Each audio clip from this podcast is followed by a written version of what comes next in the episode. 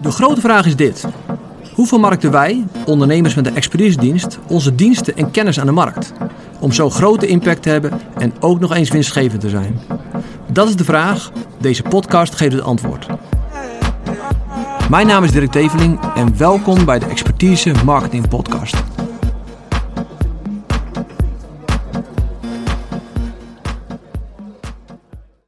Vandaag wil ik het met je hebben over content recycling. Uh, want wat is het probleem? Wat zien we bij onszelf? Wat zien we in de markt? Uh, content is king. Goede content is king.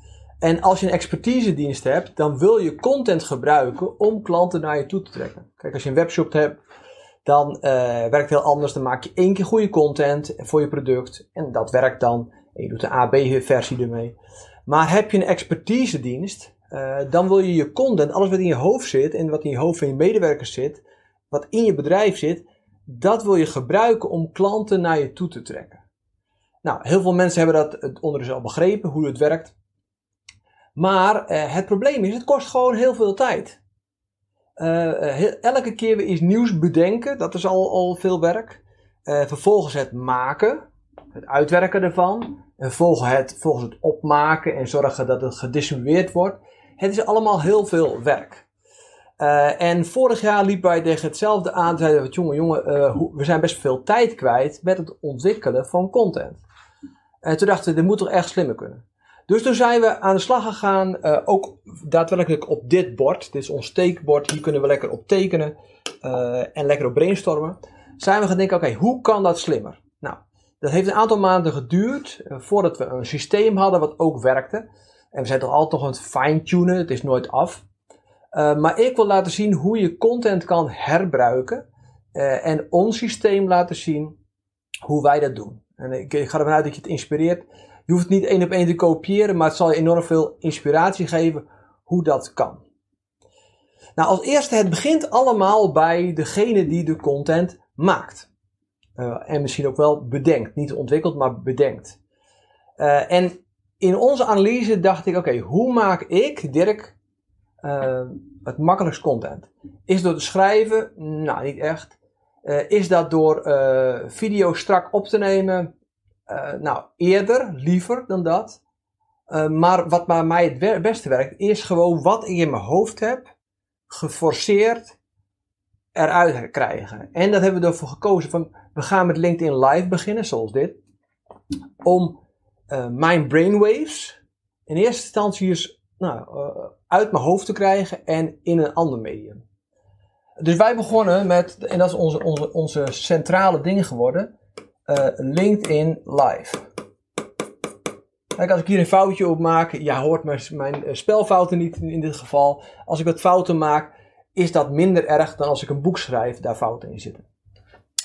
Het kan ook zijn bij jou dat je zegt: Oké, maar ik schrijf liever. Nou, begin dan daarmee.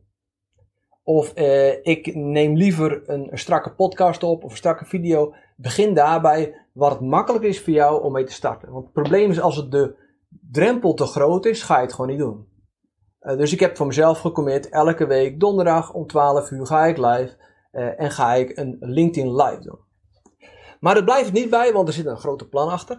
Uh, die LinkedIn Live zorgen we dat die goed wordt opgenomen, qua audio vooral. En vervolgens gaat mijn collega daar de week erna een podcast van maken. Die gaat het editen, die gaat de intro ervoor doen, alles en zo. En die gaat hem over alle Spotify en uh, Apples en alle dingen gaat ze distribueren. Dat doet het systeem trouwens ook. Dus dat is de eerste stap. Dus soms heb ik hier maar uh, 20 uh, kijkers. Uh, soms heb ik hier maar 5 kijkers op LinkedIn Live. Maar dat geeft niet, want het gaat verder dan alleen dit. Dit is de eerste stap in het hele proces. Dus het wordt vervolgens omgezet naar een podcast. Nou, dat is leuk. Maar we hebben ook natuurlijk de videoopname. Wat we daarmee doen, die gaat naar YouTube. En om die podcast, die wordt eigenlijk eerst geëdit in video, gesneden. Uh, en vervolgens wordt, de, nou, wordt die automatisch, of niet automatisch, maar met de hand op YouTube gezet. Heb ik daar heel veel bereikt? Nee, ook niet. Maar alles bij elkaar scheelt het. Uh, elk stapje erbij is meer. Nou, Nou, dan denk je, ja, leuk, hartstikke mooi Dirk, maar er is meer. Want uh, die podcast, het is audio. En er zijn tools die de audio kunnen omzetten naar tekst.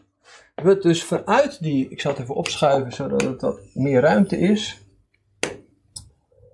Vanuit die podcast wordt het omgezet naar tekst. Nou, als je een spraak- of videotekst omzet, is het niet heel erg leesbaar. Maar nu gebruiken we natuurlijk een tool genaamd ChatGPT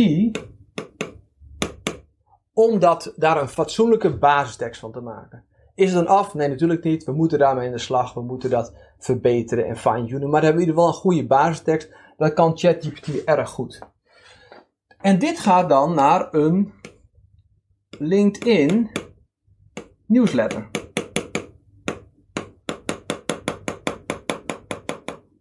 Het past net. Een LinkedIn nieuwsletter. Een LinkedIn nieuwsletter is een soort van een blog die elke maand automatisch uh, gemaakt wordt of gepubliceerd wordt. Uh, die vervolgens bij heel veel mensen terechtkomen. Ik zag laatst dat er iets van 900 mensen daar geabonneerd op zijn. En dat doet LinkedIn allemaal de distributie zelf. Dus dat is een super handig platform. Dus daar maken we het van. Vervolgens hebben we natuurlijk ook nog steeds die videoopname. En we willen die podcast promoten. Dus soms, nu niet heel vaak, maken we van die video's maken we podcast snippets. Dus hele kleine stukjes die worden ondertiteld. Uh, en dat zijn 10 seconden, sorry, 30 seconden of een minuut. Dat wordt eruit gehaald en dat wordt weer gebruikt op het platform, ook op Instagram en op TikTok, voor de distributie of voor de promotie van de podcast. Nou, vervolgens uh, die tekst, als die een beetje geredigeerd is, kunnen we die ook weer gebruiken voor een, bijvoorbeeld een paper. hebben we nog niet gedaan, maar op een gegeven moment kan dat. Maar dat, die tekst kunnen we ook weer gebruiken voor een boek. Want op die manier komt al mijn kennis uit mijn hoofd via dit hele proces allemaal op papier in goed doorlopende zinnen in tekst. Zo zie je dus dat hier beginnen we. Ik zal die even een ander kleurtje geven, want dat is de bron.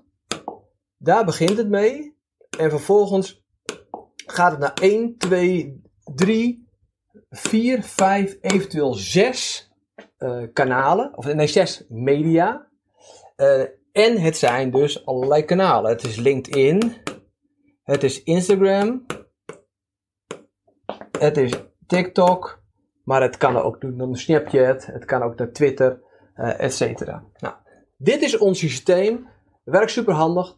Uh, misschien goed om te noemen, uh, als je hiermee begint, dan wordt het heel snel een chaos. Elk stukje content heeft een nummer. Dus deze LinkedIn Live, wat zometeen een podcast wordt, sommige mensen luisteren dit als een podcast, heeft een nummer. Maar ook de podcast heeft een nummer, YouTube filmpje heeft alles heeft een nummer. En dan gebruiken we altijd het soort content. LL is van LinkedIn Live. Uh, YouTube is uh, Griekse IT. Podcast is PC. En zo op die manier nummeren we alles, kunnen we alles heel snel terugvinden in onze drive. Nou, ik denk dat dit heel inspirerend is. Dus ik wil je vooral uitdagen om te beginnen met een mini-plannetje voor je content, content distributie, maar ook voor je content recycling. Want het is zo waardevol als je iets al één keer hebt gemaakt om het vaker te gebruiken. En nou, dat kan dus heel erg goed. Het leuke is, in de toekomst kan je die teksten ook weer gebruiken om bijvoorbeeld video's mee te maken met AI. Dus